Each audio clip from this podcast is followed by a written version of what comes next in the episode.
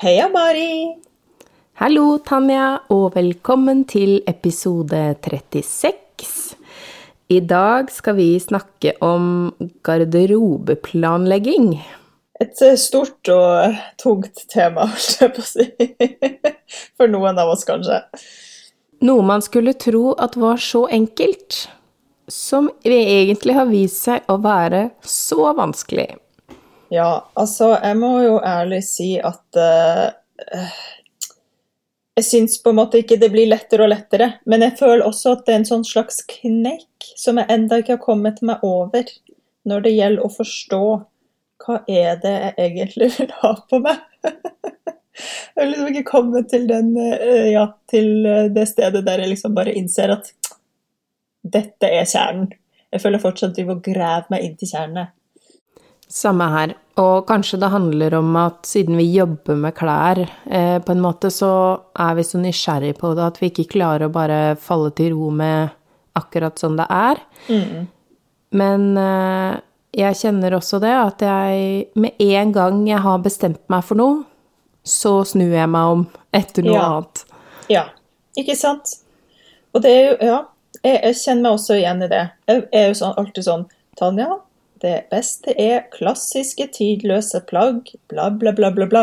Oi! Skal jeg sy meg en sånn svær, oversized boblekjole som, som uh, har masse sånn uh, vaffelsøm i seg og bla, bla. Så Hvor mange ganger kommer du til å bruke den? Ja, det er sykt fett og ser det levende for meg, men kommer jeg til å bruke den?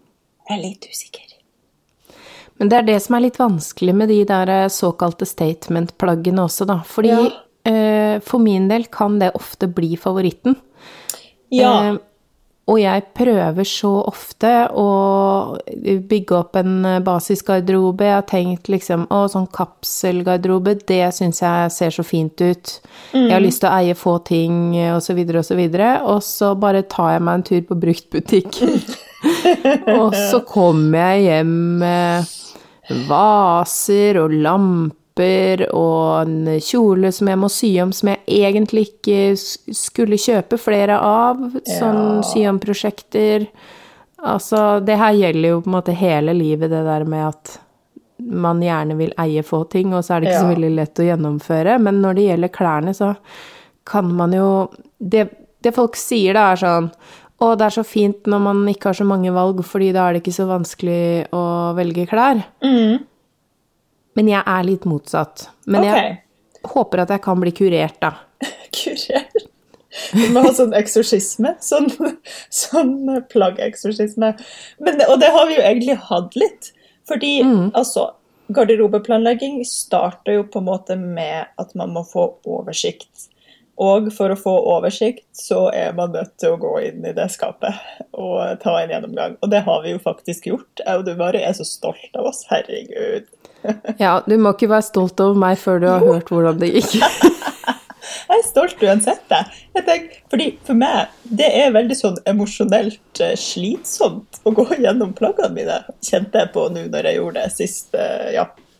Eh, og det, og jeg, da tenker jeg bare Altså, man trenger jo ikke engang å kvitte seg med ting. Bare det å få sortert inni klesskapet, da syns jeg allerede man fortjener en medalje, for å være helt ærlig. Ja, akkurat den sorteringa syns jeg er ganske vesentlig, og, og der eh, Det er vel den ene tingen jeg føler at jeg mestrer. Mm. Det å ha at alt har en plass og så videre. Men eh, det er jo det at man må jo henge det tilbake når man har brukt og sånn.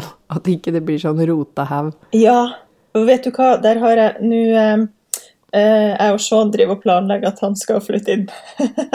Det blir jo litt Ja. personlig her. Men, eh, men, og da driver vi og planlegger hvordan vi skal um, oppbevare klærne våre. For han eh, har mye klær. Han er mer klær enn meg, er jeg ganske sikker på. Eh, og da kjente jeg på, apropos dette her med å henge klær tilbake i skapet, jeg savner en sånn mellomstasjon. Altså, jeg tar ut et plagg, jeg har det på meg en dag, og så blir jeg kanskje litt sånn svett, men ikke svett nok til at jeg tenker at nå burde dette vaskes. Og d- men da har jeg ikke lyst til å henge det tilbake inn i skapet. Da har jeg liksom lyst på en sånn mellomhenger. Der jeg henger alle klærne jeg har hatt på meg, men som ikke er helt sånn uh, vaskeklar enda, og burde gå i kurven. Og det skal jeg prioritere å få ordna, når vi nå uansett skal omorganisere hele det soverommet. Det er smart. Det har faktisk ja. jeg. Jeg henger det i vinduskarmen, fordi uh, siden vi sover med vinduet oppe, så føler jeg at da kommer den ja, lufta inn. Det var lurt. Det, det, noterer jeg meg bak øret her, at det burde være et sted med lufting, sånn at de faktisk får litt lengre brukstid før de må vaskes. Mm. Og så er det jo Da må jeg innrømme at jeg får litt hetta for møll og sånn. okay. sette Men jeg tror Fordi de trives jo ikke i eh, eller de trives jo i lyset, de flyr jo mot lyset, men, eh, ja. men de, de, vil jo helst være litt sånn i, inni en krok og sånn. Ja. Mm. ja. Så forhåpentligvis så går det greit. Men du... Eh, i hvert fall så Jeg syns det er greit, fordi da også Hvis jeg har hengt den der til lufting eh, over natta eller noe, så da er det på en måte lettere for meg å bare ta hengeren og henge inne i skapet. Mm. Men den For jeg har, skapet mitt består liksom av en sånn åpen løsning med gardin foran, ja. hvor jeg har nesten alt hengende, for da ser jeg det. Ja. Eh, selv om jeg vet at det ikke er det mest plassbesparende. Det har jeg Jeg har sett såpass mye på Marie Kondo-serien eh, og lest den boka og sånn. Har du lest boka? Du, det skal jeg si deg, at eh, det har jeg. Shit, dette må vi prate mer om. Okay. Det er ganske utrolig, for jeg er ikke sånn som jeg, jeg, får aldri lest ferdig bøker jeg begynner på å lese. Men mm. den der, det tror jeg var da jeg var høygravid og litt sånn typisk hadde gått over terminen. Og ikke skulle gjøre så mye. Da var ja. jeg sånn Ja, ja. Nå kan jeg like gjerne lese den boka her som har fått så mye skryt. Ja. ja. Men du, OK, tilbake Kan jeg Ja, beklager. Jeg fikk ikke ville skyte inn et spørsmål her da du nevnte mm. møll. Har du møllkula i garderoben? Ikke møllkuler, fordi det syns jeg lukter vondt, og så er det ikke miljøvennlig. Men jeg oh, ja. har sånne sedertrekuler mm. eh, som eh, også skal skremme møll. Hvorfor er, Jeg vet, kan ingenting om møllkuler, har aldri vært borti det. Hvorfor er det ikke miljøvennlig? Nei, det er sånn, det er sånn er det gift? i de Ja. Ok, så møllen spiser det, liksom, og Nå, så blir de dårlige? Nå får vi kjemikerne på ryggen, eh, for det er ikke sikkert det er gift. Men i hvert fall så lukter det vondt, og jeg ville ikke at det skulle lukte sånn. Ja, det er greit. I klesskapet mitt. Eh, men de liker ikke lavendel, og de liker ikke sedertre. To mm. ting jeg elsker. Eh, så jeg har lavendel og sedertre overalt. Lurt. Lurt, lurt, ja. lurt. Jeg kjøpte så... meg en ladning lavendel i går seneste, apropos. Mm. Mm. Det, ja, det anbefales. Det er ikke alle som liker lukta av lavendel, men jeg elsker det. Så jeg har sånne små eh, puter med lavendel inni liggende oppi skuffene, og så sånne sedertrekuler oppi skuffene. For jeg har to sånn gamle teak-kommoder under de her hengene med alt mulig som ikke Sånn som treningstøy har jeg ikke så veldig behov for å ha hengende der. Ikke sant. Ja. Og dette her har jeg jo sett uh, i storyen. Vi kan jo legge de storyene der vi går gjennom skapene våre på highlights til denne episoden. Så kan mm. folk se hvordan du organiserer uh, denne fine garderoben. Ja, nå skal det sies at jeg kom rett og slett ikke så langt uh, fordi jeg Plutselig var det henting av unger og diverse, og så bare tok jeg alt det som lå i kanskje, stappa jeg det bare oppå kommodene. og det ligger der fortsatt? Nei, jeg tok det faktisk bort i dag, siden vi skulle snakke om det. Så tenkte ja. jeg da må jeg ha ekspedert det. Men det er ikke ferdig. Fordi før jeg rydder bort ting Nå har jeg faktisk vært litt hard og tatt en del ullting som eh, jeg skal prøve nå å ikke bruke i vinter, for å se om de er på vei ut. Mm. Eh, de skal jeg legge i fryseren før jeg legger de i en tett boks. Ja. Og rydder de bort. Og ja. da skal jeg lage en sånn midlertidig kanskje-boks. Fordi hvis jeg savner dem, da har jeg ikke gitt dem bort. Mm fortsatt tilgjengelig. Ja. Hvor lenge har du ting i fryseren? Har du noen sånn fasit på det? Eh, som regel eh, minst 48 timer, men eh, jeg glemmer jo gjerne at jeg har lagt de der. Så da blir det uka etter, ja. kanskje. Skjønner. Ja. ja. Den er grei. Ja, men bra. Kanskje boks er jo bra.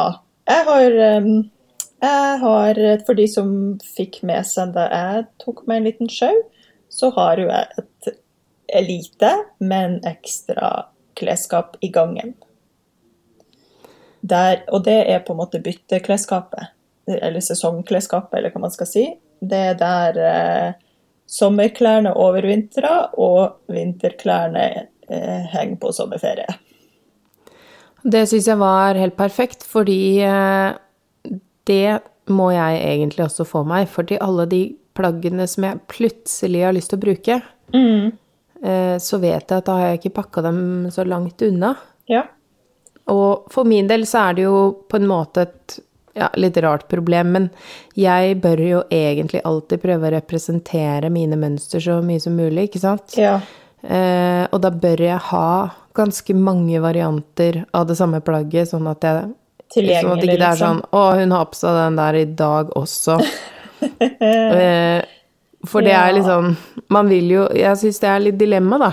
Hvis man både skal prøve å krympe skapet sitt, men samtidig representere Ja. eh, bedriften sin. Så, så jeg tok den eh, kanskje-tanken din litt, og så tok For jeg har et eget skap hvor jeg har alle sånn ting vi har tatt bilde av som ikke er i min størrelse, og ting som folk får prøve på kurs hvis de skal finne størrelsen sin og sånn. Mm. Det er et eget skap, og da tok jeg mine sommerting inn dit. Aha. Tyter det ut av det skapet, da, for der er det fullt. Jeg må gå gjennom der også. Men, eh, men det ble liksom sånn første stasjon, da. Ja. Men ikke dumt, da. Altså. Nei, men jeg skal få meg et sånt kanskje-skap som deg. Eller eh, med sesongskap, for det syns jeg var veldig lurt. Det, Men, jeg liker jo det veldig godt, ja. Både på grunn Ja. av tilgjengelighet og, eh, og sånn som du sier, jeg liker liksom Jeg liker ikke å pakke eh, Det verste jeg vet, er sånn tett lukt. Så Mm. jeg liker ikke å pakke klær bort i tette esker og rulle de sammen. Og da, ja, jeg føler at Mm. klærne mine har det godt. Det er liksom sånn frittgående høna kontra høna i et sånt hønsehus. Ja, jeg skjønner hva du mener. Litt den følelsen. Ja, det er også litt derfor jeg liker å ha alle klærne hengende, selv strikkatøyet, selv om man ikke skal ha strikkeplagg hengende, så har jeg dem hengende, fordi da, jeg syns de lukter så innestengt hvis de ligger uh, nedi nå. noe. ned. Ja. Helt enig. Og ikke minst denne møll- og uh, majorstuebille-problematikken, da. Disse insektene som lager hull i klærne. Jeg føler at det er mindre tilgang for dem hvis det henger. Ja. Altså, nu, eh, vi trenger ikke å prate om det, men majorstuebille, det er første gang jeg hører dette ordet. Ja, eh, da er du heldig. Ja. Eh, men det tok ganske lang tid før jeg fant ut hva det var, og, og hva de små hullene i klærne var. OK. Så, Så- Samme prinsipp som møll, altså. Ja, bare at det er ikke så det blir Fordi hvis du først har fått noe møllspiss, så er det jo gjerne et stort område. Ja. Mens her er det sånne små diskré hull her og der, Ja. som er veldig lett å overse helt til det begynner å bli et problem. Ja. Ja, så Yes. um, da vi bodde i Oslo, så var det Da hadde jo vi kanin som bodde inne i leiligheten. Eh, han var jo frittgående, eh, så han stakkar fikk jo skylda for de små hullene. han fikk jo ikke noe kjeft eller noe, men jeg liksom Å, nå har Kåre vært her. Eh, Kåre. ja. Ja. Men eh, ja, det var ikke Kåre, fant jeg ut. Det var noen ting som var Kåre, men eh, det var jo mye større hull, da. Okay. Og han, hvis man har sølt noe på klærne, så er det veldig fristende for, for en stakkars kanin å bare smake litt akkurat på den flekken. Herregud. Du, ja. du, du ja, det er en eh, avsporing. Uh, men Kan, kan jeg dra det tilbake inn til dette her med rydding av um, garderoben og sortering? Fordi det er vesentlig. det er vesentlig, og jeg må bare anbefale dypt, dypt fra innerst inn i hjertet mitt til alle der ute, gå gjennom den undertøyskuffen. Jeg gjorde det. Det er det diggeste jeg har gjort på lenge. Jeg føler jeg har hatt sånn eh, terapitime og cleanse og what not. Og bare bli kvitt alle de der sokkene som begynner å bli så slitt at tåa snart kommer ut. Ja, jeg vet det er sikkert mange av dere som stopper sokker. Eh, Det gjør ikke jeg. Da, da får de et nytt og bedre liv som resirkulerbart materiale et eller annet sted. bort med alle de. Bort med alle sånne truser der, der liksom strikken har morkna eller begynt å komme ut, og det er sånne strikktråder som stikker ut, og man ikke har tid til å ta stilling til det på morgenen når man er dødstrøtt og rusher og bare drar på seg det første og beste. Altså, det var så digg å bli kvitt alt av sånn ræl og bare ha pent undertøy igjen. I love it. Ja, jeg, jeg støtter det. Jeg er helt enig. Jeg gjorde en sånn eh, Marie Kondo-variant i eh, Altså kun sokker, truser, strømpebukser. Altså alt undertøy. Alt som var i den kommoden. Og smykker, faktisk. For jeg har ekstremt mye sånt. Um, og den eh, Det å på en måte ha Og så har jeg alt liggende sånn bortover, sånn at jeg ser det. Og da har det vært så mye enklere å luke ut en og en hullete, ferdigslitt ting underveis, når jeg vet liksom at det er et godt utgangspunkt, da. Men jeg syr jo igjen hullene et par ganger før jeg lar de sokkene og strømpuksene gå. Du gjør det. Men mine blir sånn slitt over et sånn enormt område. Og da Ja. tenker jeg bare sånn åh, Da må jeg liksom virkelig stoppe, og stoppe pent og flatt for at det her ikke skal bli vondt inni skoen. Og da Nei. Nei. Nei, da, da er det noe annet. Jeg, jeg bruker øh, Jeg får nok mest sånne tydelige hull som jeg bare Ja. syr igjen. Og da, så lenge ikke resten er utslitt, så da får de gå noen runder til. Ja. Eh, Men eh, Og som regel så bruker jeg opp sånne ting på dansing, fordi da Ja, Mm. da blir det jo veldig Det er sikkert også derfor dine er sånn slitt under hele. Sikkert. For da, når man danser moderne, så blir det jo veldig sånn Da er det Det mye sånn sokker på gulvet. Ja. Ja. Mm. Men, OK, Ja. fordi du Nå har du nevnt Marie Kondo flere ganger her, og da må Altså, det er ikke sikkert at alle der ute vet Kanskje alle vet det, egentlig. Det har jo vært en poppis-greie, en snakkis, en stund. Men hvordan Altså, OK, fordi jeg har aldri sett på Marie Kondo. Jeg har aldri lest Marie Kondo. Jeg har aldri brukt Marie Kondo. Men allikevel så har jeg fått med meg at det er noe med at eh, det skal spark joy. Kan du fortelle, hva, hva gjør du? Legger du ut alle smykkene dine, ser på de, og så kjenner du sånn åh, den der, den sparks my joy, liksom? Eller hva, hvordan fungerer det her? Jeg er nok ikke så Jeg gjør det nok ikke akkurat på den måten, men det jeg gjør, er for det første vi, Bruker jeg den her masse? Ja, det gjør jeg faktisk. Da gjør det ikke noe om den ikke gir meg glede. Det er greit. Okay. Hvis ja. den har en nyttefunksjon som er sånn tydelig, da, da gjør det ikke noe om jeg ikke blir glad av den, men jeg kan kanskje vurdere når den blir slitt, og bytte den ut med noe som jeg blir enda mer glad av, som er den samme tingen. Sånn Skjønner. tenker jeg, da. For jeg vil gjerne Ja. bruke opp ting. Eh, og sånn som en sleiv i skuffen eh, blir man jo ikke glad av, så det er på en måte greit. Men en eh, Ja, for eksempel da, hvis du har en eh, full skuff med strømpebukser, Mm. så går du gjennom og ser sånn Er det Blir jeg virkelig Og så føler jeg meg fin når jeg går med den her. Det er mer det jeg har som stikkord, da. Er det Ja. er det, det her jeg er ute etter? Så den Ja. der spark joy syns jeg på en måte blir litt sånn Men noen sånne gimmick-greier må man jo ha for at folk skal huske konseptet, ikke sant? Så jeg tenker at det er, det er egentlig det det handler om.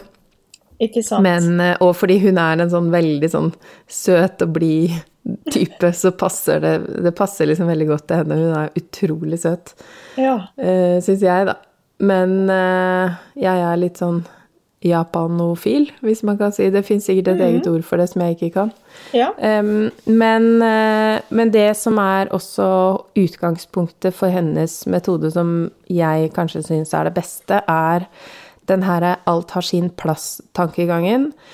Eh, og den metoden hun bruker eh, f.eks. når man skal gå gjennom klær, da, så er hun veldig streng på at alt av klær skal samles.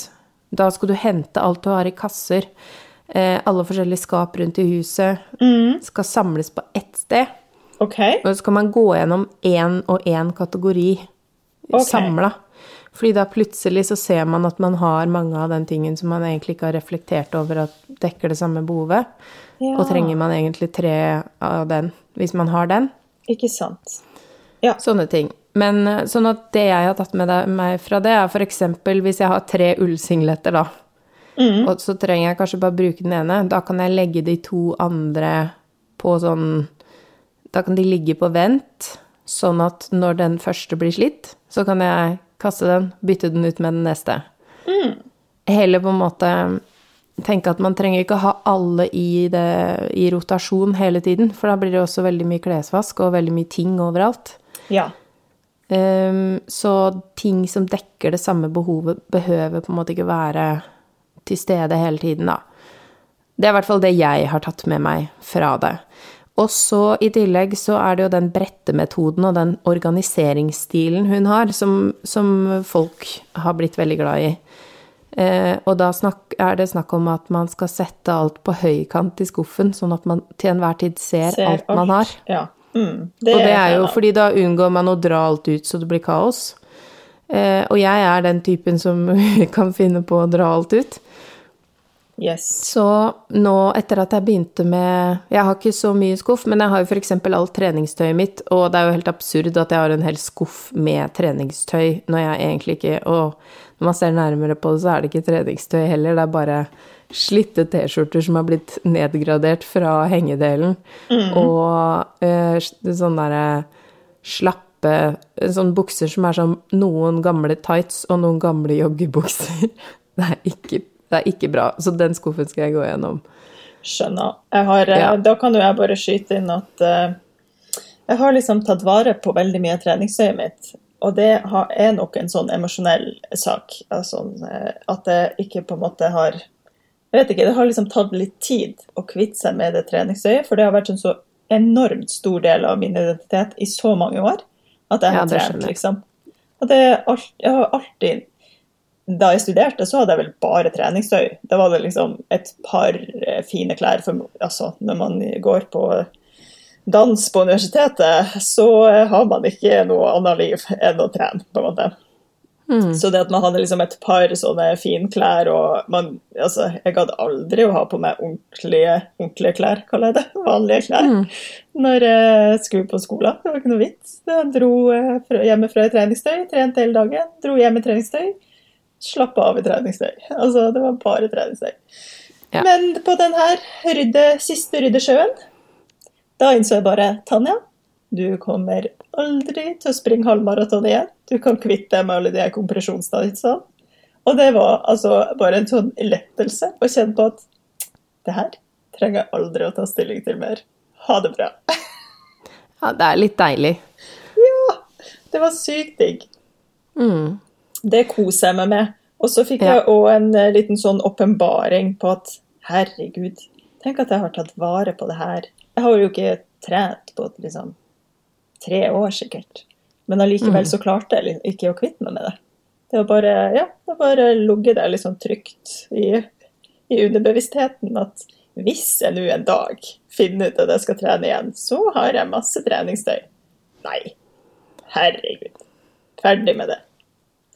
Ja, jeg kjenner meg veldig igjen, for jeg har en del ting i den kategorien, jeg òg, som er eh, Og det er jo spesielt utkledningstøy, rare smykker Alt som er litt sånn litt for rart til at jeg tenker at det kommer til å dukke opp igjen.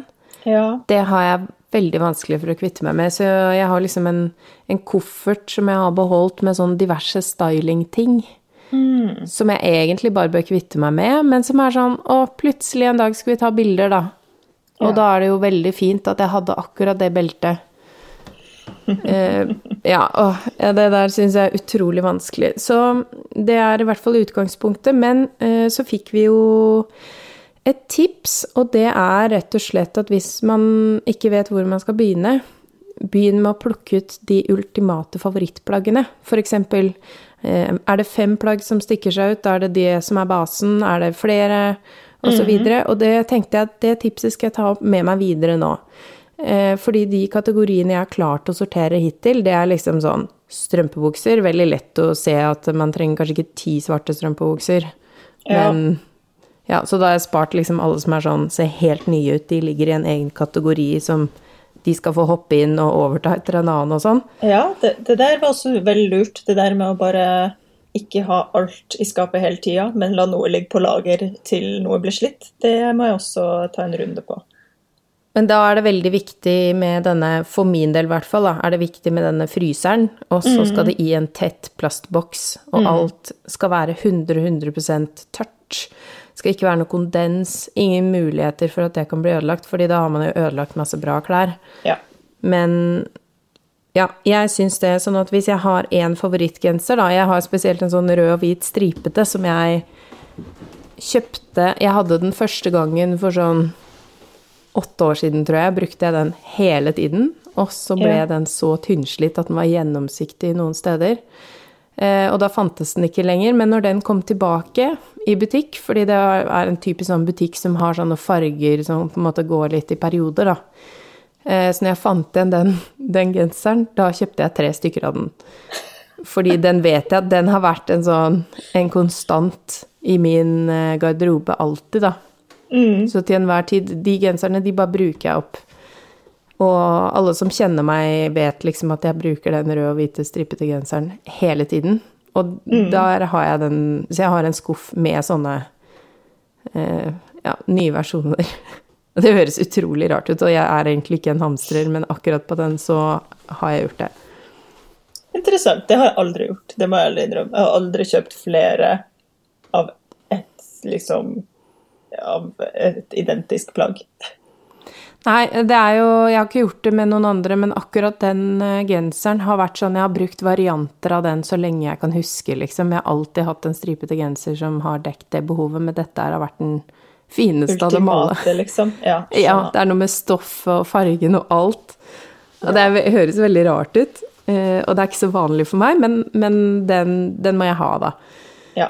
Det er greit. Eh, Så det er en av mine sånn fem, antageligvis. Mm. Ja, for når du prater om disse fem nå, så ehm, er vi egentlig over i dette her med vi er ferdig rydda og skal begynne å planlegge, er vi ikke det? Ja, eller, ja, eller grunnen til at jeg kom inn på det med de, det er fordi at eh, for min del begynner ryddinga med hva jeg vil jeg beholde. Ja. Eh, og da, gjør, da tar jeg gjerne Prøver du å koke det ned til fem ultimate Ja, ting? jeg klarer jo ikke det, da, åpenbart. Nei. Alle som ja, Altså, det tror jeg folk har fått med seg. det Altså, går det, ikke. jeg vet, ja, noen minimalister klarer jo sikkert det, men det hadde ikke jeg. Ja. Nei, for meg kanskje snakker vi mer sånn 20, da. Men eh, det er greit. Eh, og så har jeg jo denne kanskje-boksen.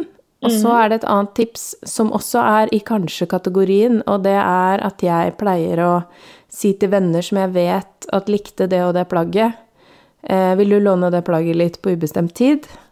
Og så vi kaller det låne få, da. Fordi da kanskje man får det. Ja. Og da, eh, som regel, så blir jeg så glad for at det andre mennesket bruker det plagget som jeg egentlig er glad i, men som jeg ikke bruker nok. Eh, og når vi treffes, og så ser jeg å, den personen er skikkelig glad i det plagget, da er det lettere for meg å, å slippe det. Skjønner. Så det gjør jeg fast. Jeg har liksom noen venner jeg gjør det fast med, men eh, ja, spesielt eh, min venninne Britt, som Britt-buksene er oppkalt etter, vi har sånn fast i hverandres skap. Ja. Låne for session, liksom. Ja, vi har så lik smak, og så har vi ganske lik størrelse òg, så da bare sender vi ting fram og tilbake, og når vi har sendt det fram og tilbake nok ganger, da går det ut.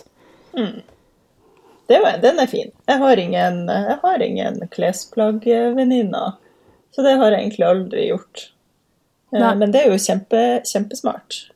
Ja, det anbefaler jeg. Det syns jeg har vært så bra, for det Ja, vi er begge sånn som bare elsker at det er liksom masse merkelige detaljer og farger og alt mulig, og noen ganger blir det too much, men så viser det seg at det, ikke, at det akkurat passer for den andre. Ja. så det Ja, jeg syns det er så fint. Altså, jeg har flere, flere mennesker i den kategorien da, som liksom jeg plasserer klærne hos, og det gjør meg så glad. Godt tips. Så Mm. vi må, eh, må, må få litt oversikt. Man rydder, man putter Ja, jeg, altså Du putter jo ting i sånn kanskje-boks og sånn, jeg gjør jo ikke det. Jeg har et sommerskap og et vinterskap, og så bytter jeg liksom rundt på de. Og så har du da selvfølgelig noen plagg Noen plagg går gjennom hele året, eh, som er sånn sesongfri, på en måte, eller eh, alle sesongene. Eh, mens andre driver og hopper fra det ene skapet til det andre.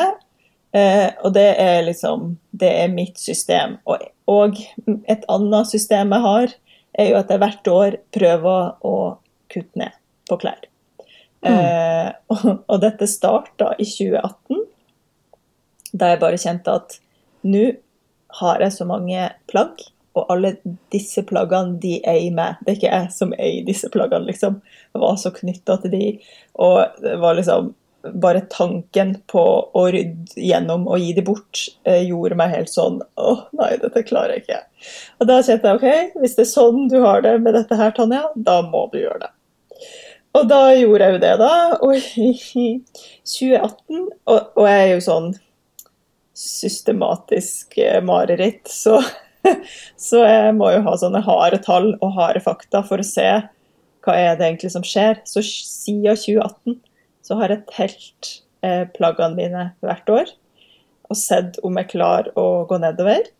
Og også sett liksom hvordan For målet mitt er jo at alle plaggene i skapet skal være laga meg til slutt. Um, så jeg har også en sånn opptelling på hvor mange plagg er laga med, og hvor mange plagg er liksom rester fra en svunnen tid jeg drev og kjøpte plagg fortsatt, som er kanskje er fem år siden. Um, ja. Og da vil du, vil du, høre disse tallene, eller? Ja, jeg syns det er skikkelig spennende, og jeg, nå må jeg telle mine klær òg, så jeg kan sammenligne.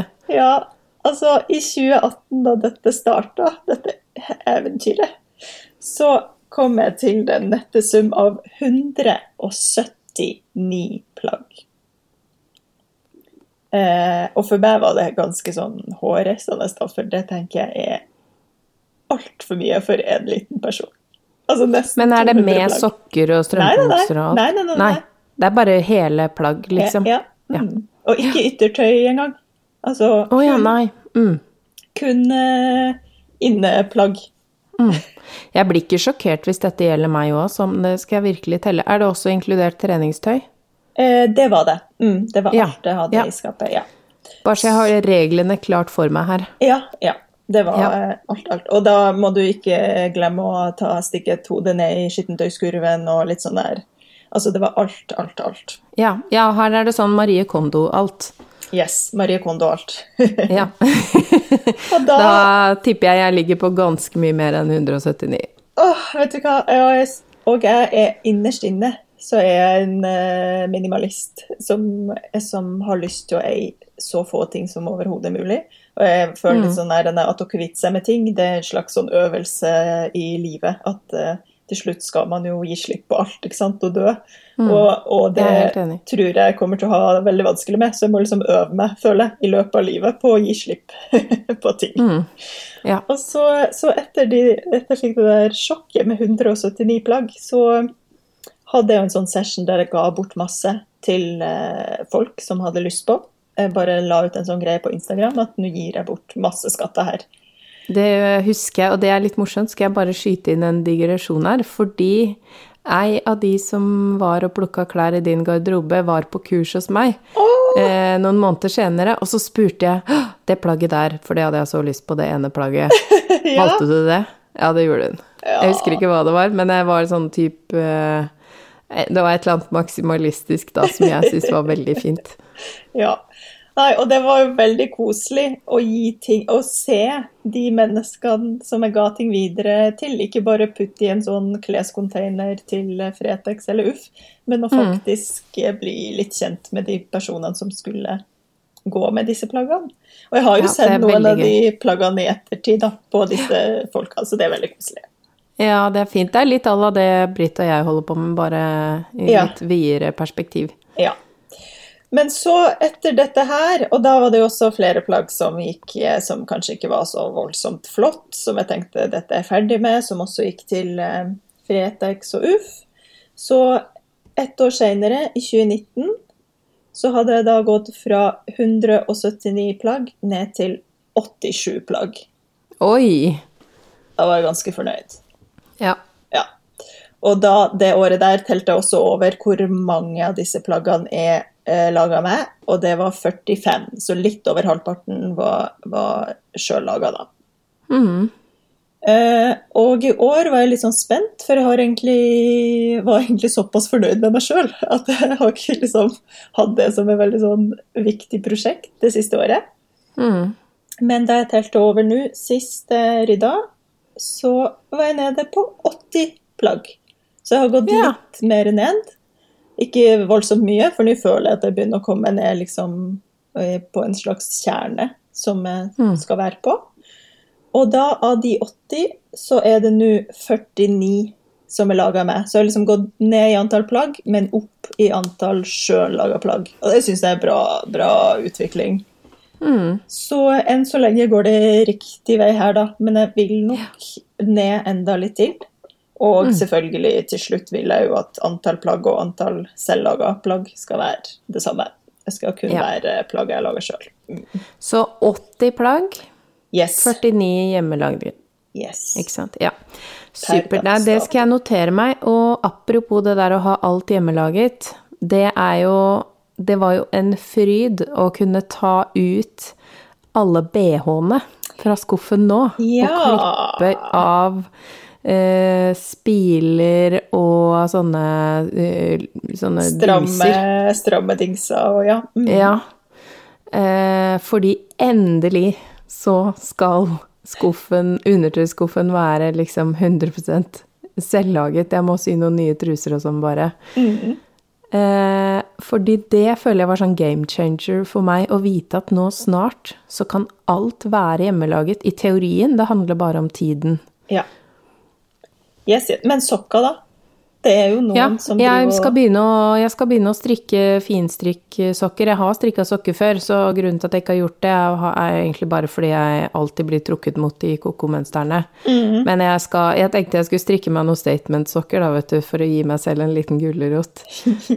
så kan de være litt sånn tynne og fine nederst, så de passer opp i sko, og så kan jeg ha noe koko-mønster oppover. Så Ja. de som ser det, de ser det. Når du sier finstrikk, hvor tynne pinner snakker vi her? Og hva slags garn? Begynner med to og en halv, altså. Jeg går ikke noe mer ned, mer ned enn det, men uh, jeg har som regel plass til det i skoa. Og Ja. så um, ja, jeg liker Eller jeg, ja, jeg har litt breie føtter, så jeg har nesten alltid litt for lange sko også. så det er mye plass. Så to og en halv, og da strikker du de i ull, da, eller? Ja. Ja. Men jeg skal begynne med nå å strikke bare sånn vanlige tre og en halv pinne sokker, fordi det er litt sånn hyggelig å, at det går litt fort første gangen. Så kan Ja. jeg gå Det her er en sånn gradvis prosess, og da skal jeg også bare skyte inn at min venninne Marianne, som jeg føler jeg snakker om hele tiden i denne podkasten, det er min BH-guru, eller min BH-mentor, hun har også funnet opp et sånt eh, system med sokker at hun strikk, har strikka hele oversiden av sokken på én måte, og så er undersiden på sokken strikka sånn at når den er så slitt at den ikke kan repareres mer, så ta, spretter hun av bare undersiden og strikker en ny såle. Oh. Det syns jeg er så kult. Oh, det er jo der det blir slitt. Jeg vet. Har Marianne en oppskrift på dette vidunderet? Nå kan det hende hun blir litt sur, for, at, for nå legger jeg litt press på henne. Unnskyld, Marianne. Men jeg syns det, var- det var helt sånn mind-blowing for meg, det systemet der. Helt nydelig. Um, det syns jeg er helt nydelig. Jeg tror ikke hun har noe oppskrift, men uh, vi får snakke litt om dette på kammerset. Ja. Ja. Det, um, ja, det var bare en sånn, den ultimate, sånn bærekraftige måten å gjøre det på, da. Åh, du, helt nydelig. Og nå kom jeg på, apropos å telle og ha altfor mange plagg og undertøy og sokker Akkurat, for der har jeg en uh, teori. Altså, vanlige klær, gensere, bukser og sånn, der kan man jo eh, Der kan man jo strekke brukstida en del før man må vaske noe. Men med undertøy, det blir jo en rotasjon Altså, det blir jo mye vaska. Og der har jeg det faktisk motsatt. Eh, der snur jeg på flisa og tenker at jo mer, jo bedre. For da blir det Ja. ikke så ofte vaska, og da blir det ikke så fort slitt. Så jeg har liksom helt stappa undertøyskuff. Og hvis det begynner å bli ikke så stappa, så fyller jeg på. Fordi da føler jeg at da blir, altså, da blir liksom eh, intervallen for hvor ofte hver enkelt truse og sokkepar blir vaska, lengre. Og da holder de lengre. Ja, jeg er helt enig, jeg har samme system. Ja, så bra. Ja, da måtte men jeg bare må- skyte alt- dette. Ja, alt må passe i én skuff, det er viktig. Ja, samme her. Og samme med strømpebukser, og der er det jo Da jeg rydda i dem for et par år siden, så hadde jeg også en sånn gigakurv med strømpebukser hvor alle hadde knyta seg fast i hverandre og sånn. Eh, sånn trådkurv inni skapet. Og når jeg da gikk over til denne lille teak-kommoden der hvor alt bare Det er bare plass til én bortover, liksom. Ja. Så ser jeg jo alle strømpebuksene, og de må, da må de jo ligge sånn veldig sirlig pakka sammen. Eh, og det gjør jo også da at man, man har full oversikt. Eh, og da ser man jo med en gang liksom Å, nå må man vaske. Men akkurat strømpebukser også er faktisk en ting jeg lufter. Men nå går ikke jeg så mye med sko, da, siden jeg jobber mye hjemme. Det er Ja. kanskje litt annerledes. ja, det er jo det. Det blir jo fort det. Ja. Det er jo når man er mye borte så, og har på seg sko hele dagen og sånn, så blir det jo litt eklere, på en måte. True, true, true. Ja. Du? Ok. Det, blir, det er mye rare detaljer vi kommer innom her, men det er litt gøy, da. Ja, men føler du ikke at, vi, at vi har fått en OK oversikt over dette med rydding og organisering, og har gitt noen tips der? Skal vi på en måte begynne å snakke om det her med å planlegge videre, da? Ja, vi må jo det, men jeg vil også skyte inn én ting, fordi vi har ikke snakka noe om de plaggene man absolutt ikke vil ha, for de er det jo garantert noen av. Ja. Eh, og da vil jeg jo nevne at eh, nå i det siste så har det vært litt sånn for frem til For en stund siden så var det veldig sånn kampanje at eh, Fretex og, og Uff, de vil ha alt av tekstiler så lenge det er reint og tørt. ja. Eh, men så plutselig så var det sånn artikkel Nei, nå vil vi ikke ha mer. Og da kjente jeg at da ble jeg litt rasende, fordi jeg mener jo at fremtiden er eh, sirkulær økonomi, og at vi skal bruke de ressursene vi har. Eh, sånn at eh, nå har det vært mye sånn opp og ned, ok, hva er det egentlig som er fasit her? Men Ja. da jeg gikk på Sortere sine nettsider, ja. så står det at man fortsatt skal levere inn så Til lenge det er reint og tørt. Ja, og man må markere det med avfall, da, har jeg eh, lest tidligere. Men Ja, jeg- jeg har også fått med meg dette her med at de Og det er ikke det at de ikke vil ha det, de har ikke kapasitet. Det er ikke, det er ikke kapasitet eh, å gå gjennom så store mengder som de får inn, av, Mm. også av avfall, da. For det har det jo blitt mer og mer av, at folk Mm. eh, kvitter seg med ting og leverer av, altså, eh, poser med Mm. tekstilavfall. Og der føler jeg at eh, kommunene har et kjempeansvar. For eh, det i hvert fall Oslo kommune har gjort, nå blir jeg litt streng her, er at de liksom har bare fraskrevet det ansvaret og lagt det over på Uff og, eh, og Fretex. Og Ja. nydelig, de tar seg av den gjenvinninga der, liksom. Da trenger ikke vi å tenke på det. Excuse me. Nå, altså, her føler jeg at man må ta ordentlig tak og ha gode eh, alternativer og rutiner for gjenvinning og gjenbruk av tekstil.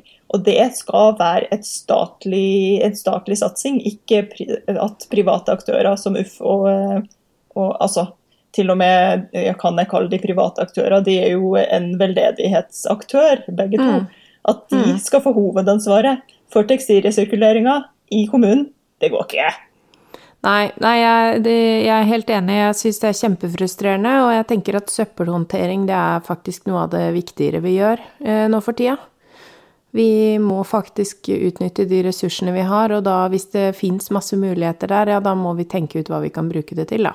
Ja. Og, Men og lage har- arbeidsplasser, og vi bor i et rikt land, så det her må vi fikse.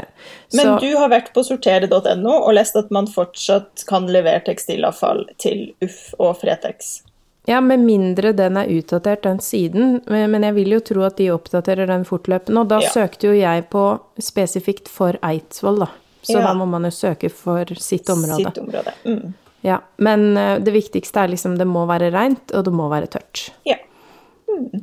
Og ja, nei, det der syns jeg er en stor frustrasjon, fordi det er jo eh, Hvis folk da endelig har slutta å kaste eh, sokker og truser i vanlig søppel, og så plutselig får de beskjed om at de skal begynne med det igjen, det, sånn kan vi ikke ha det. Det syns jeg er tullete. Det, ja. Mm. Det ble jo også en uh, liten degresjon her på tampen, så jeg Ja, kjente altså- fyra meg litt oppover. Ja, så det, altså garderobeplanlegging, det er som alt annet, det er så mye man kan si om det, fordi det er så mye emosjonelle greier i bånn der, uh, som kanskje er grunnen til at man ikke går løs på det i utgangspunktet, da. Ja. Men, eh, men det å, å forvalte ting riktig, at man får eh, søpla dit den skal, og de tinga som faktisk kan fikses, at man Jeg har faktisk eh, satt i knapper i ting før jeg har gitt det bort. Eller jeg har liksom reparert ting før jeg har gitt det til bruktbutikken eller til venner. Ja, og jeg er jo også da- når det først skal kastes, hvis det er helt utslitt, så spretter jeg ut glidelåsen og spretter knappen og får liksom hamstrer inn alt jeg kan bruke en gang til før jeg kaster det. Ja, og det er også litt vesentlig å huske på til tekstilavfall at uh, man bør jo helst ikke ha med sånne ting i tekstilavfallet. For det er jo ikke tekstiler. Niks. Mm. Så ja. Nei, men når man da skal begynne å planlegge La oss si da at man har plukka ut fem eller 20 favorittplagg. eh, og så bygger man opp garderoben rundt dem. Eh, og Som er en måte å gjøre det på. som er én måte å gjøre det på. Men det fikk jeg et tips om. Eh, og det syns jeg var veldig lurt, fordi da hvis man ser da dette her er favorittplagget mitt som jeg egentlig har lyst til å bruke oftere, og så ser du at du har bare én eller to ting som passer sammen med det plagget, eh, da er det kanskje en sånn ting man bør notere seg. Ok, det er en faktor når jeg nå skal planlegge noe nytt og sy og strikke osv. Og så når man da har eh, sett ok, her mangler det noe, og så kan man se da hva har Hvis alle favorittplaggene er kjoler, da er det jo litt sånn ok, bør man ha bukser, eller ja, bruker man ikke bukser? Eh, er det, hva pleier man å bruke til kjolene? Er det genser, er det cardigan? Eh, passer Altså hvis du har tre stykker som passer til alle sammen, er det kanskje nok? Og så videre. og så Hva tenker du? Jo, jeg er helt enig. Eh, jeg tenker nok, Det aller første jeg tenker, er er dette kanskje nok? Og så, hvis jeg i hverdagen kjenner på et behov for at åh, det er alltid en ting jeg savner, eller hvis det er en ting jeg bruker mye som jeg faktisk må gi slipp på, som jeg måtte nå i denne omgangen her, som er en sånn litt stor strikka cardigan som bare er så digg å hive på seg når jeg blir litt kald, og det blir jeg hele veien for en sånn fryspinn, da kan jeg erstatte den. Det er liksom, min garderobeplanlegging er veldig, eh, veldig nøktern. Det skal være veldig stort behov før jeg bytter inn eller legger til ting, føler jeg akkurat nå. Nå er jeg veldig nysgjerrig på om den eh, cardiganen som gikk ut, er den samme som vi har lik, som også har gått ut av min i denne sorteringen. Om det er den mosegrønne. Ja, det er det. Er det det? den vet jeg jo at du har brukt mye. Jeg bruker den så mye. Så nå har jeg faktisk allerede planlagt hva jeg skal erstatte den med. Jeg skal strikke med en ny cardigan, og jeg skal strikke med en sånn Jeg vet ikke om jeg kommer til å angre, men jeg har så lyst på en sånn sånn vorte-cardigan. Skjønner du hva jeg mener? Ja, men sånn med bobler. Ja, bobla. Vorta, Sånn popkorn kaller noen det. Ja, jeg kaller det vorta. Dotter, bobler, vorter. Ja. Popkorn, nei. Vorte. Ja. En sånn eh, helt Og da tenker jeg OK, dette kan fort eh, gå over i den der statement-fadesen min, men jeg strikk, kommer til å strikke den i en veldig eh, mørk grønn, et mørkgrønt garn. Og så tenker jeg at den skal være sånn sykt enkel, men med de vortene, da. Da tror jeg at den blir akkurat sånn passe spesiell, så den ikke blir kjedelig. Men fortsatt klassisk nok til at det, den kommer til å vare i mange år, da. Det er planen. Her er eh, Nå kommer du direkte til poenget som jeg føler er litt sånn kjernen for min del også, når jeg planlegger at det må ikke være for kjedelig, for da bruker jeg det ikke. Ja. Eh, Så jeg syns det var det perfekte basisplagget, fordi det er noe med det. Men Eh, men det er sånn ensfarga. Ja, ikke sånn koko-farge og vorta, liksom. Mm. av tingene har jeg bestemt meg for det. Det, altså jeg var jo, skulle jo være lur, det fortalte jeg jo tidligere, at jeg, var, at jeg strikka jo en cardigan i sommer basert på hvilken farge som mangla i skapet mitt. Ja. Eh, og den Det stemmer at den passa veldig godt i skapet mitt, men jeg kjente jo etter hvert, når jeg hadde den bitte litt, at jeg er egentlig ikke så veldig lysrosa. Eh, så nå har jeg strikka en eh, genservariant av det samme mønsteret, Mhm. men i ett hakk mørkere, litt, litt mer rosa. Og den bor jeg i. Ja. Så noen ganger så, så krever det to forsøk. Man må gjennom den der lille omveien for å skjønne at øh, ikke helt dette, ja. ja. Ja. Og det som jeg nå har funnet ut, er at ja, lys rosa passer til nesten alt. I mitt skap i hvert fall. Eh, Men det gjør faktisk eh, rosa også. sånn at der lurte jeg inn eh, en liten sånn overraskelse som har vist seg Den føler jeg Jeg har gått med den genseren hver dag siden jeg strikka den. Jeg blir nesten litt flau. Så Men, bra, tenker jeg. Da har du jo virkelig truffet spikeren Ja. på hodet. Ja, så nå Jeg føler det er faktisk håp for at jeg også kan få ha basisplagg, men jeg, og derfor støtter jeg veldig det der, denne vortejakka. Borte. jeg, jeg tenker at eh, det må For det må være litt statement Ja. for at den skal være interessant nok til at man vil ha den i skapet sitt også. Men jeg tror veldig mange som liker basisplagg og sånn her, kanskje vil ikke helt skjønne den argumentasjonen.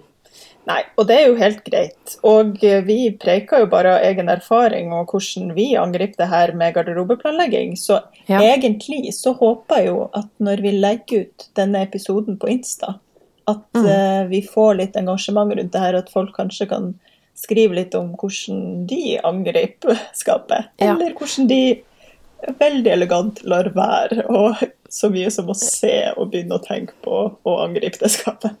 Ja, fordi jeg prøvde jo så vidt å få i gang litt engasjement, men det var det, det var, Engasjementet var sånn ganske lunkent, og folk syntes det var vanskelig.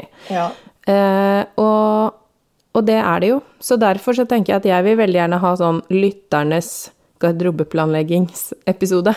Ja. Hvor folk kommer inn med litt mer tips. Fordi her er det jo bare vi som lufter våre eh, frustrasjoner rundt, rundt egen garderobesortering. Men en god øvelse, da, syns jeg, fordi denne kapselgarderoben som vi har nå nevnt i noen episoder, den tankegangen at man liksom skal velge seg et visst antall plagg som skal være det eneste man bruker i en gitt periode, da. Eller hvis man skal ha det som en utfordring, så kan man bestemme en tidsperiode. Og da er det noen som har Det er en hashtag på Instagram som heter fall10by10, for eksempel. 10x10. Eh, for høsten, eller så er det sommer, videre. Men den derre eh, 10 by 10, da. Ti plagg, ti dager, eller noe, tror jeg det står for. ja. Og så er det noen som har 30-30. Det er masse forskjellig. Men eh, jeg øvde litt på det i sommer, og da tok jeg bilde av alt jeg brukte og sånn. Bare for å se hva som går igjen. Og, og på sommeren syns jeg på en måte det er veldig greit å ha et å se et system, fordi da jeg tenkte på dette i fjor sommer òg, bare for å se hva som gikk igjen. Eh, og det var de samme plaggene begge åra, med et par unntak, da, som kanskje var bare hva jeg hadde lyst til å gå med akkurat i år. Eh, men for høsten, hvor man er mye mer sånn lag på lag, og det skal være veldig mye mer klær, og for vinteren for den saks skyld, da er det litt mer vanskelig å begrense seg, syns jeg. Ja, men, og det er jo symptomatisk for den delen av verden vi lever. Dette tror jeg vi snakka litt om før òg. At det har jeg også tenkt på sånn Hallo, jeg kan ikke plukke ut én kapsel for sommeren, for plutselig blir det liksom fem grader. Jeg må ha høst- og vinterklærne lett tilgjengelig i den uh, sesonggarderoben min, i tilfelle rottefelle, liksom. Ja, og det er litt komisk, fordi i Love to Sow-podkast, som er også De har eh, hatt en episode om kapselgarderoben. Og der ble det sånn væromslag midt i den utfordringen. så det gikk ikke så bra.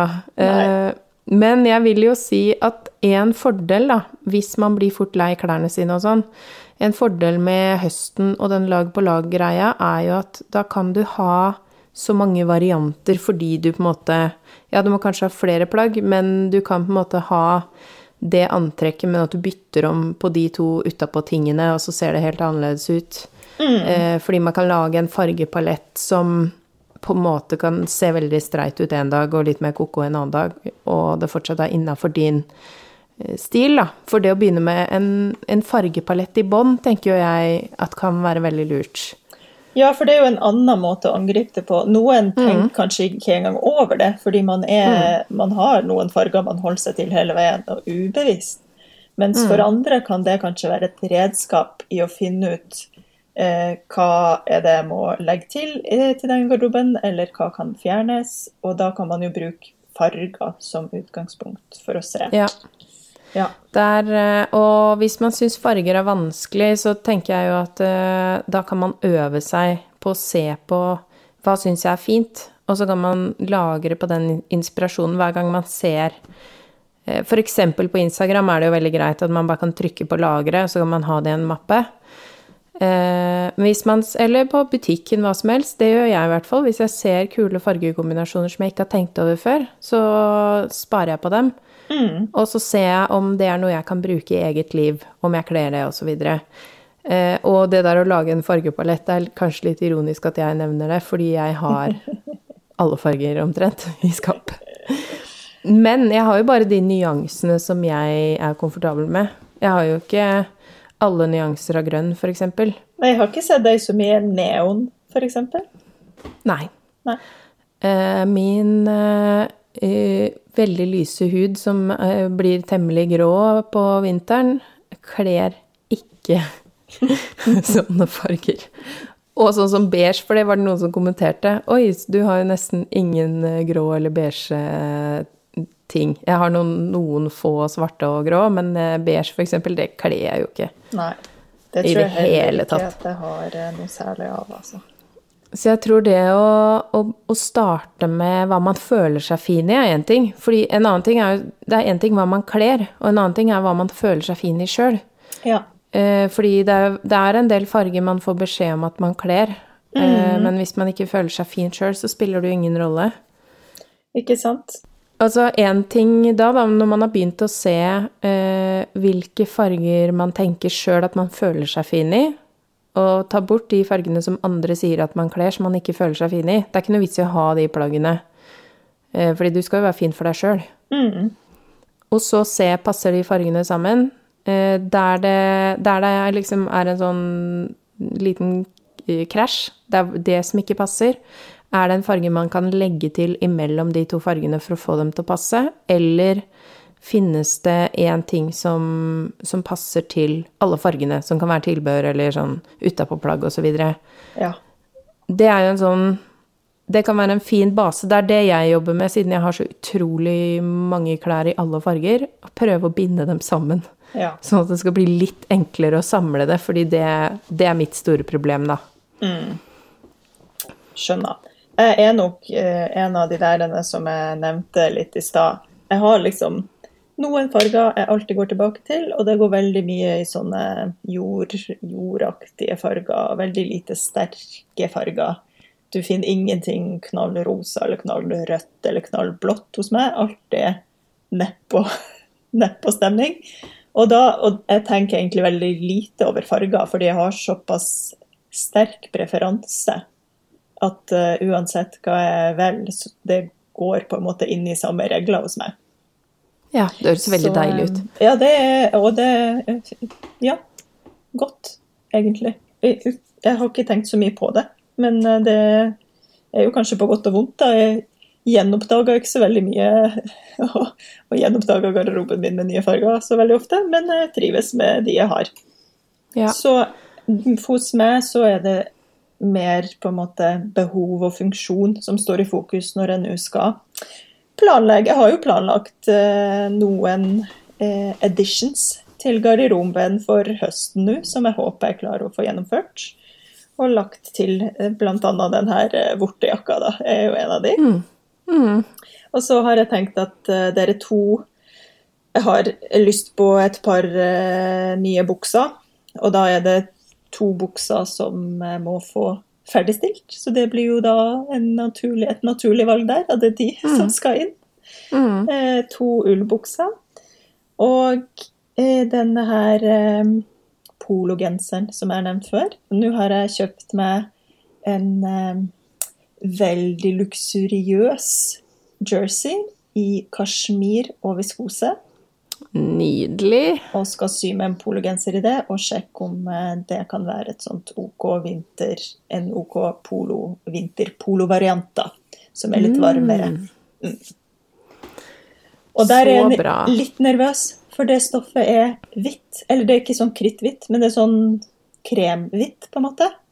Som jeg er litt redd for at jeg skal se veldig blass ut i på vinteren. Men jeg tok en sjans, tok en råsjanse og tenkte den kan også få veldig kort levetid hvis det plutselig kommer noe avokado eller whatever på den, men vi får se. Men da farger du den jo bare. Det er jo det som er så Ja, fint med, ikke sant? med det. Kasjmir og viskose kommer til å ta farge lett. Ja. ja, det gjør det. Og apropos det, og det syns jeg er så morsomt at du skal sy en hvit genser, for det er sånn det siste vi har Det er så gøy, for vi er ganske like på en del ting, men så har vi noen ting hvor vi bare er totalt forskjellige. Ja, det er jo fint. og nå vet vi det, at på garderobeplanlegging der var vi mer forskjellige enn jeg trodde. Jeg visste vi Ja. var ganske forskjellige, men vi liker jo mye av det samme også. Det er det som er litt gøy. Ja, men vi angrep det nok litt annerledes, eh, ja. Og det er jo kult, da, for da kanskje de som hører på det her, at vi når ut til et bredere publikum. Så kanskje Ja. det er flere som finner lure tips å ta med seg videre for alt det preiket vårt. Ja, la oss håpe at noen kjenner seg igjen, for det blir jo litt sånn skravletimen to denne episoden her. Men det er også fordi det ligger så mye følelser i bånd for klær, og, og det er jo der jeg kjenner at eh, du er jo en mye mer systematisk type, og jeg er jo en veldig mye mer sånn emosjonelt styrt type. Og sånn er det jo også med klesvalg. At jeg kan f.eks. ikke legge fram klær dagen før. Fordi Nei. da kan jeg våkne og bare få helt personlighetskrise, fordi det passa jo ikke til mitt humør den dagen. Ja, å, vet du hva? Det, eh, det er vanskelig. vanskelig. ikke sånn i det hele tatt. Eh, nu, noen ganger kommer jeg veldig godt inn i den rutina, at jeg klarer å gjøre det hver kveld. Eh, Nå har jeg ikke gjort det på veldig lenge, og jeg kjenner at jeg savner det. For det er så digg å stå opp om morgenen og ikke ta stilling til noen ting som helst. Ikke kjenn på, ikke kjenn på hvordan har jeg det i dag. Nei, det orker jeg ikke. Har ikke tid til det. Jeg skal kle på meg, spise frokost og komme på jobb. Ja, jeg skulle veldig gjerne ønske at jeg var sånn. Ja. Eh, og vi har, altså det, nå har jeg vært ganske åpen på min psykiske, eh, mine psykiske greier tidligere også. Eh, så derfor skal jeg skyte inn bare en liten historie fra før i tiden. Før barn og før alt mulig, da ting var litt mer sånn Ja, man hadde litt mer tid til å tenke over ting, kanskje. Ja. Da ku- kunne det hende når vi skulle et sted, f.eks. Det er jo ikke noe hemmelighet at jeg har litt problemer med folkemengder og i, i, veldig ofte har behov for å være alene. Og da var det ganske ofte, hvis jeg hadde en sånn krise hvor jeg ikke følte meg fin i noen ting og ikke ville møte folk og var veldig ute av det, så måtte mannen min, min daværende kjæreste, da eh, Da måtte han planlegge hva jeg skulle ha på meg. Fordi jeg bare jeg, jeg kom meg ikke ut av det hvis ikke han bare greip inn og sa Ta den kjolen, da føler du deg alltid fin. Ta det der til. Og så kanskje jeg forandra på det bitte litt, men han liksom fikk knipsa meg ut av den derre ja. eh, At det låste seg litt, da. Og, og det kan ligge litt sånn i bunnen fortsatt, den derre Fordi jeg blir så sliten ute blant folk, så må jeg liksom ha en rustning. Mm. Og derfor så må også garderoben romme en del sånne litt overraskende plagg, fordi kanskje akkurat den dagen så trenger jeg å gå med noe helt merkelig som ikke er en del av den vanlige eh, rutinen, da. Og det høres veldig rart ut, men, men for meg er det sånn, da. Det er en som sånn beskyttelsesmekanisme. Helt avhengig av hva jeg skal, så kan jeg på en måte kle på meg en rolle. Ja, nei, det syns jeg gir masse mening. Herregud, det er jo en av gledene med klær.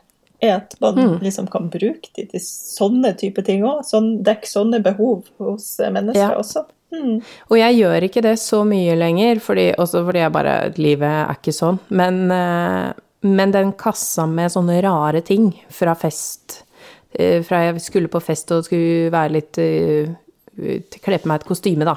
Mm. Eh, Den kassa klarer jeg på en måte ikke å kvitte meg med. Ja. Men eh, fordi plutselig en dag så er det sånn akkurat den der rare hårbøyla som kan få ting til å gli.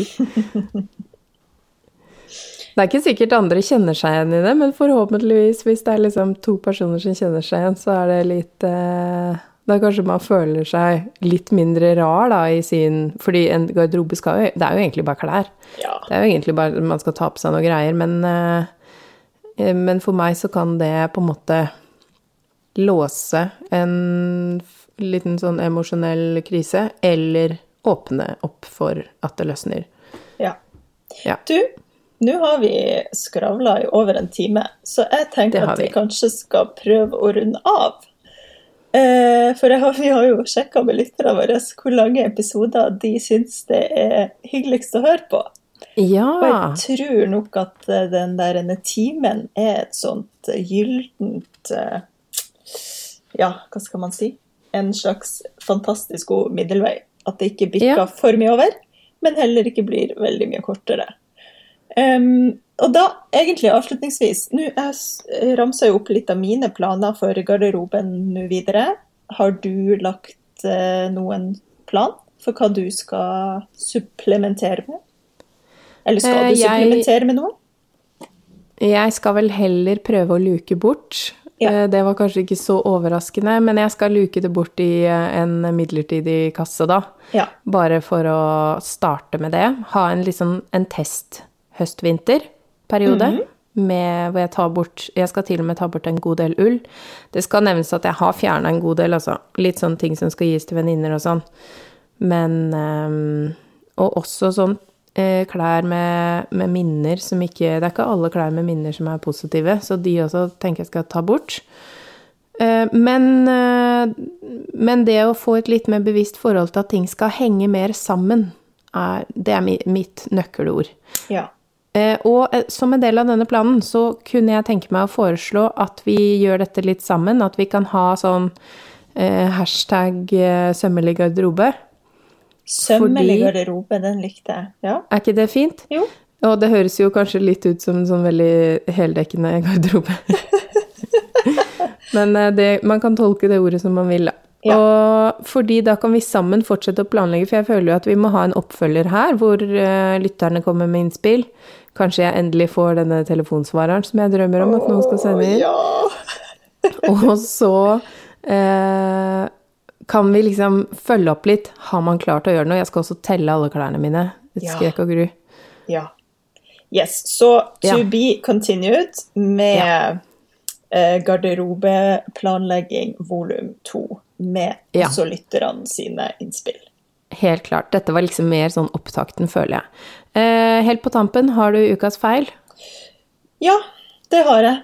Em, og det er jo igjen knytta til denne gjennomgangen jeg hadde i skapet. Og vi har jo vært litt sånn inne på det allerede, dette her med statement-plagg. Altså Dette kjentes ikke som en feil da jeg sydde det, men Tanja anno i dag kjenner bare sånn Er det mulig? Og det er en bluse med sånne statement sleeves, som nå skal sprettes av i dag, har jeg tenkt. Fordi hva faen skal jeg med det? Unnskyld, der bandt det seg. Eh, Det er nordlendingen som kommer frem når jeg blir litt sånn eh, gira. Men altså, den har du sikkert sett på SoMe. Lys Lysblå med sånne svære volanger av noen ermer nederst. Altså, det er en hel sirkel som er litt lengre bak enn foran. Eh, som da er sydd på eh, midt på albuen der, og som bare flagra og fransa og styra og ordna.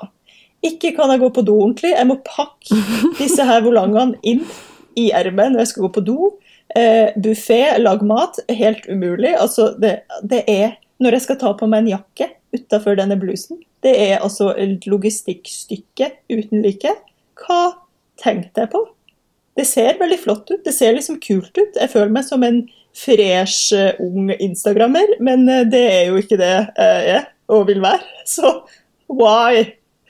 Ja, det er min garderobefeil, rett og slett. Ikke ukas feil engang, men garderobefeil. Som skal Ja. rettes opp i i dag. Er dagen. Dette kan vi alle lære noe av, fordi man er liksom Det er greit med kule plagg, men man er jo ikke så kul hvis man har dyppa ermet nedi guacamolen eller fått litt, litt av skjorta i do. Ja, altså, ja. Mm. Ja, ja, det skal jeg også ta med meg inn i min garderobeopprydning. Fordi jeg kan, kan jo absolutt kjenne meg igjen i de der plaggene som bare sånn oh, ja, lær av mine feil, sier jeg bare til alle dere der ute.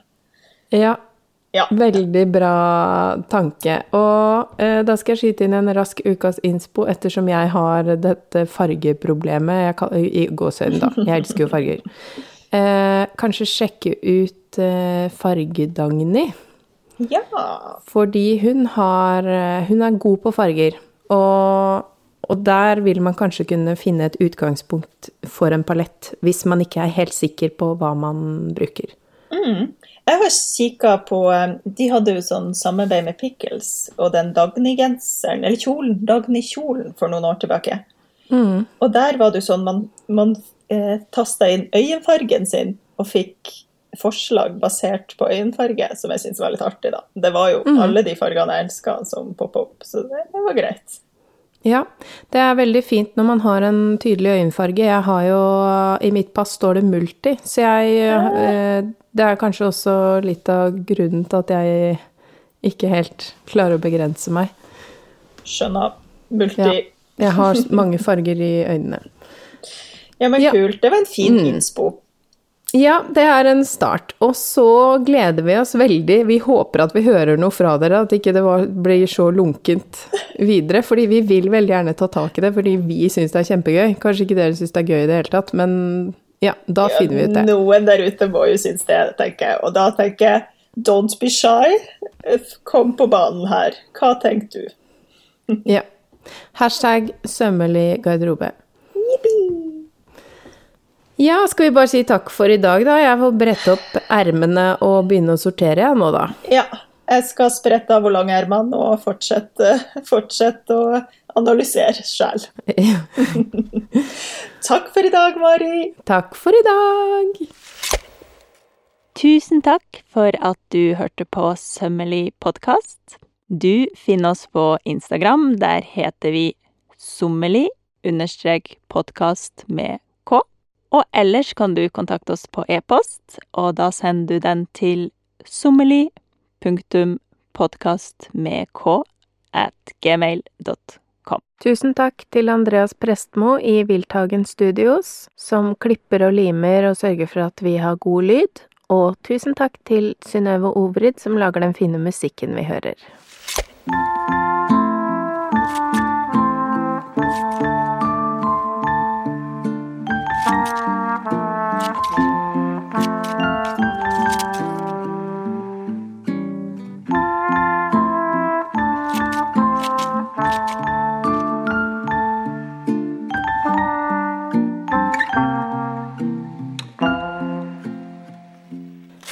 Hvis du har lyst på enda mer innhold fra oss, så kan du finne oss på Patrion.